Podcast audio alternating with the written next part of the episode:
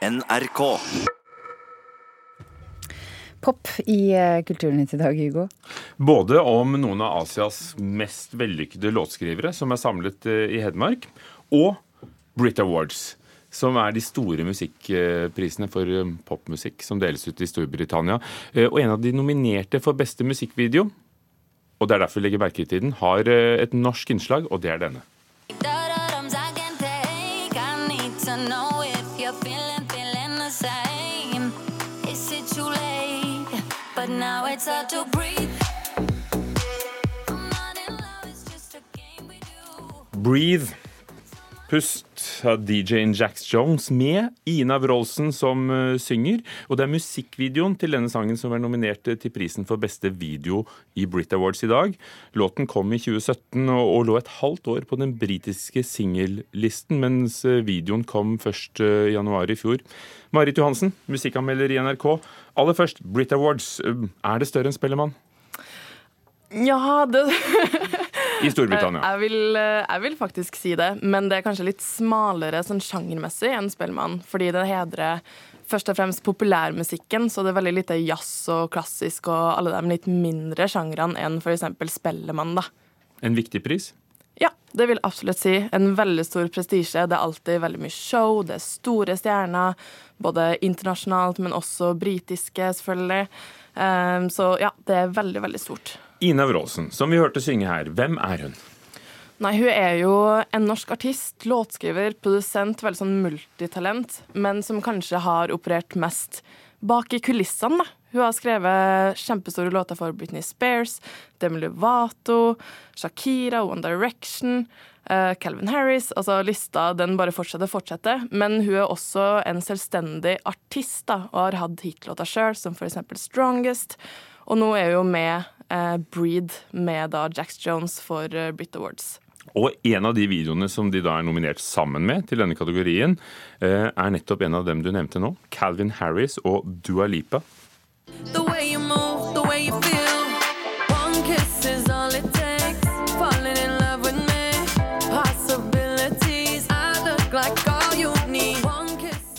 Og siden vi snakker om uh, musikkvideoene, hvordan vurderer du denne mot, uh, mot den som uh, vi hørte i sted, Breathe?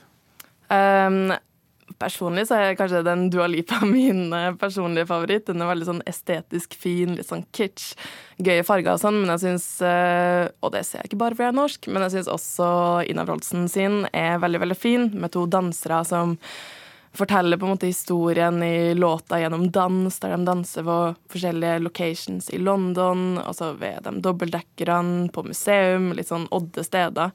Så jeg syns ikke den er akkurat feil heller. For selv om det er bilde, så spiller vel musikken en liten rolle? Ja, jeg tror de vurderer altså hvordan musikken passer til videoen. Årets musikkvideo er en av de kategoriene hvor det ikke er noen egen jury som stemmer frem vinnere. Men hvordan, hvordan finner de en vinner da? Akkurat den prisen er en av to eh, priser eller kategorier som blir stemt frem av publikum. Eh, og i år så har de tatt i bruk Twitter, faktisk. Eh, og da kunne da fans og publikum stemme via Twitter ved å publisere en tweet med en sånn spesifikk hashtag for akkurat den videoen de ville stemme på. da. Og det syns jeg egentlig er ganske bra, fordi altså, som ofte så er det jo ikke bransjefolk som hører på musikk. Det er jo vanlige folk, så jeg syns det føles ganske riktig egentlig at folk Litt- eh, får ta del. Litt i ordet populærmusikk. eh, De viktigste kategoriene? Nei, altså Den største prestisjen er nok årets album. Det er nok den som eh, Altså Adele har vunnet den, Beatles har vunnet den. altså Det er absolutt den største prestisjen. Og så er det noen internasjonale artister. Henne her, f.eks. Yeah, for that I say thank you. Next, next, thank you. Next, next, thank you. Og hvorfor vil du trekke frem Ariana Grande. Åh, nei, åh, jeg har et ganske godt forhold til hun faktisk. Men hun er jo en av de internasjonale som da er nominert som årets eh, beste kvinnelige soloartist, sammen med annet Cardi B. Så har man jo også internasjonale stjerner som Drake og Eminem. Så det er bare å følge med. Brit Awards eh, går av stabelen i, eh, i London i kveld. Takk skal du ha. Marit Johansen, musikkanmelder i NRK. Eh, Og apropos popmusikk. Syv land har sendt låtskrivere til Rena i Østerdalen for å skrive kommende slagere i Asia. Sjefen for kinesisk musikkforlag, de har 200 000 ansatte, kommer for å kjøpe inn låter til sitt marked. Og arrangøren for denne låtskrivercampen, som heter Out of the Woods, Carl Henrik Wahl, sier Rena er et perfekt sted å samles. Nei, nå sitter man og lager refrenget på den sangen her. sier Carl Henrik Wahl, som driver musikkstudioet The Woods på Rena. Hun er fra Finland, og han er fra Sør-Korea, og han er fra England. Og Then we can do the, the verses after lunch. Her i andre etasje over Jernia-butikken på Rena sitter låtskrivere fra Norge, Finland, England, Sverige, Sør-Korea, Kina, Italia og Tyskland, til sammen sju nasjoner, for å skrive nye hits for det asiatiske popmusikkmarkedet. Det er et eh, enormt marked, og nå har eh, også Kina kommet på banen eh, og begynt å fokusere mer på vestlig musikk.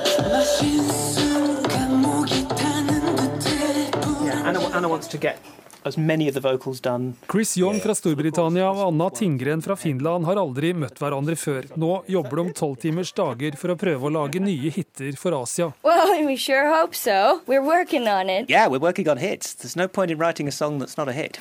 That's what we're all here to do. We all come to these camps. We most of us have never met before, and then we're asked, write a song, write a song now, and that's exciting.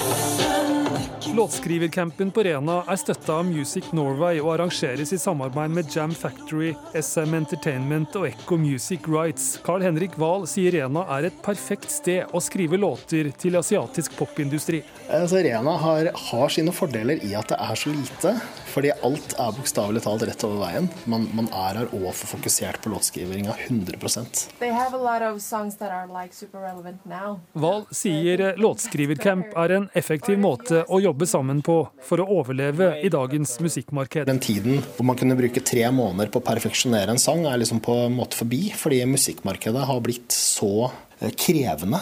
Folk vil ha nye sanger hele tida. Man har ikke den tålmodigheten til å høre på de samme sangene om igjen og om igjen. Og om igjen og om igjen. Og derfor har det da blitt et marked for da, sånne låtskrivercamper, hvor man skriver mange låter. Easy go.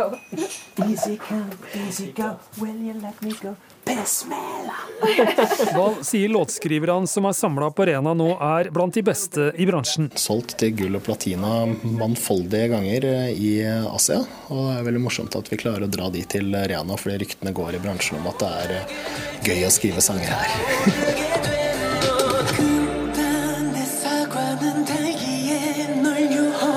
en eh, K-pop-sang av eh, Taemin. Sier Mats Korai Genk, som har produsert denne låta, som nå er på topp på iTunes i nesten 30 land. Det som er fint med låtcampen, er at man treffer veldig mye fine forskjellige kreativiteter og folk, og at man får veldig mye forskjellig i ett og samme studio. Det kinesiske musikkmarkedet er på rundt 500 milliarder, så hvis man klarer å få plassert låter der borte, så kan, kan det bli gøy. just huge, huge big. Like 800 million people listening music from mobile phone. Toi O, sjef for et stort kinesisk musikkforlag, med 20 000 ansatte og 3000 artister i stallen, er nå på Rena for å kjøpe inn låter til det kinesiske markedet. Han sier det er tredobla siden 2014. So like Ja, for det er stort med 20 000 ansatte, selv om det ikke er de 200 000 som, som vi kom i skade for å si innledningsvis. Reporter Steinnes Eide hadde i hvert fall kontroll på fakta på Rena i Hedmark. Nationaltheatret har ventet i flere tiår på å bli pusset opp, og nå begynner det å skje ting. Kulturreporter Daniel Eriksen, hva skjer? Det går unnskyldelse her. Det går sakte, men sikkert framover. I eh, dag offentliggjør Statsbygg nemlig sine krav til rehabiliteringen av Nationaltheatret. To nye kjelleretasjer, bevegelig scenegulv, rehabilitering av fasader er noen av kravene Statsbygg stiller til denne oppussinga. Det skriver Aftenposten. I april 2017 beslutta regjeringa å restaurere Nationaltheatret for 1,9 milliarder kroner, selv om teatret egentlig ville ha dobbelt så mye penger. Men nå skal oppdraget ut på konkurranse, og målet er å ha kontrakten på plass før sommerferien, sier Statsbygg. Og så noe helt annet som bringer inn litt i det landskapet vi var i sted.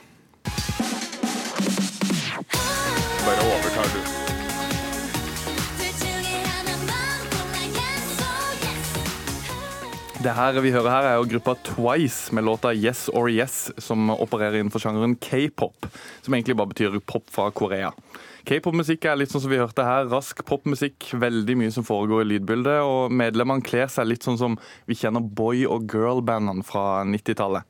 I Korea foregår det nemlig en oppheta debatt om disse gruppene nå, etter at den koreanske regjeringa kom ut med et ganske kontroversielt standpunkt.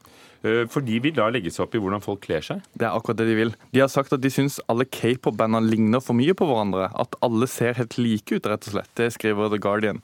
Regjeringa lanserte nylig helt nye kjøreregler for TV-kanalene i Sør-Korea, der de kritiserer tynne stjerner med likt hår og lik sminke og med klær som viser fram kroppen. Det har fått mange koreanere til å reagere, og nå raser debatten i landet. Daniel Eriksen, kulturreporter, takk.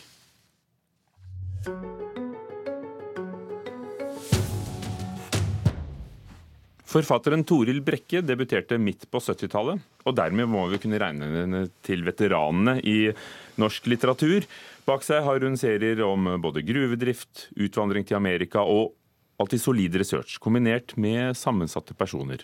Marta Norheim, litteraturkritiker i NRK. Nå er Toril Brekke ute med en ny roman, 'Kobrahjerte'. Hvor fører den oss? Ja, Den fører oss til en veldig eksakt plass, nemlig Valle Hovin i Oslo. Og til et veldig eksakt årstall, nemlig 1965. Altså, Når Tore Brekke skriver, så er det veldig ofte plassert eh, helt sånn spesifikt på, i tid og stad. Eh, Og her eh, i Kobrahjertet så har du en hovedperson på 16 år, Agathe, som forteller historier. Eh, Hun møtte meg også som barn i romanen 'Alle elsket moren din', som kom for et par år siden. Og dette er et frittstående framhold av eh, den romanen. Så den kan leses for seg. Ja, nå har jeg lest 'Alle elsket moren din', så det er vanskelig for meg å reversere det. Men eh, jeg tror nok det. Jeg vil jo anbefale alle å begynne på begynnelsen av trilogier. eh, Men eh, det går an å ikke gjøre det. Vi skal altså til 60-tallet. Hva handler det om? Altså, Det handler om å vokse opp i Oslo, og det handler om å vokse opp i en veldig spesiell familie. Altså, Mora til denne Agathe var en eh, fetert eh, jazzpianistinne som kom i ulykka, og ulykka var Agathe. Og Agathe må da trøste mor fordi at hun har havna i ulykka. Det er klart ikke veldig enkel, eh, enkelt utgangspunkt. Nå har mor dratt til Kjøben med en elsker, og Agathe lever sammen med stefaren sin.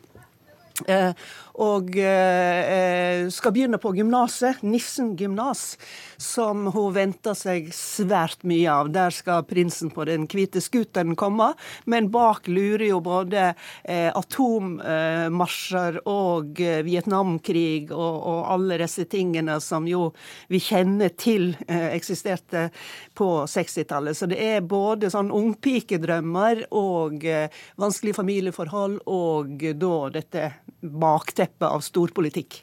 Og når du forteller dette, så, så høres det jo ikke ut som en eh, spenningsroman. Men Ja, altså det er, jo, det er jo nettopp en sånn eh, god, gammeldags oppvekstroman av den typen som en egentlig ikke har så mange av for tida. Men, eh, men mot slutten så, så skrur det seg til, altså. Eh, Og det syns jeg ikke er en helt heldig utvikling. Du får en fransk-vietnamesisk allianse. Ei fransk, halvt fransk eh, kusine eh, gifter seg eller blir kjæreste med en vietnameser. Det er en slags eh, Vietnamkrig på mikronivå, kan du si. Eh, og da drar det seg til. Altså, jeg tenker Melodrama kan være flotte saker, det, til si tid. Men her, i denne veldig realistiske og situerte, som det heter, romanen, så syns jeg ikke det fungerer så bra. Men, men likevel så er det mye bra i denne romanen. Som sagt, en god, gammeldags oppvekstroman. Solid forankra i ei tid og på en plass. ligger det mye arbeid bak, eh, virker det som, i å finne ut av hvordan ting hang sammen? Ja, ofte så tror jeg det gjør det, f.eks. i Amerika-romanene til Brekke. tror jeg det gjør det. Her er det vel òg nokså parallelt med hennes egen oppvekst. Det er ikke noen sånn biografisk greie det jeg kan eh, finne ut. Eh, Men, eh, men hun er også født i 1949 som eh, hovedpersonen her, og det hjelper jo sikkert ganske godt på det. Hvorfor tror du det er så få oppvekstromaner for tiden? For det, det nevnte du. Ja, altså det, jo, blir jo spekulasjoner. Det, Før var det jo fryktelig mye av det. Altså, det var jo inntil besvimelsen med oppvekstromanen, og så forsvant det ganske brått. Jeg lurer på om Freud har mista litt grepet om eh, fortellingene. Altså at eh, En tror ikke at nøkkelen til alle eh, personers identitet ligger i eh, barndommen lenger. Og det er jo i så fall et stort skifte i, eh, i verden og i litteraturen. Toril Brekke, Kobrahjerte, som du har lest. Takk skal du ha, Marta Norheim, men, men du slipper ikke unna for å fortelle oss hva du tror ligger bak tittelen Kobrahjerte. Eh, Der er jeg mer på, på sikker grunn, fordi at denne vietnamesiske kjæresten eh, han må drikke et glass sprit med et levende kobrahjerte i for å bli en kobra når han er hjemme i Vietnam. Så kan du jo si at eh, det kanskje ikke er så enkelt å leve sammen med en mann med kobrahjerte, så der ligger det noen konflikter da mellom fransk kusin og, eh, og den eh, vietnamesiske kjæresten. Takk skal du ha, Marta Norheim. Og så minner jeg om at på nrk.no litteratur der står det om mange flere bøker hele tiden.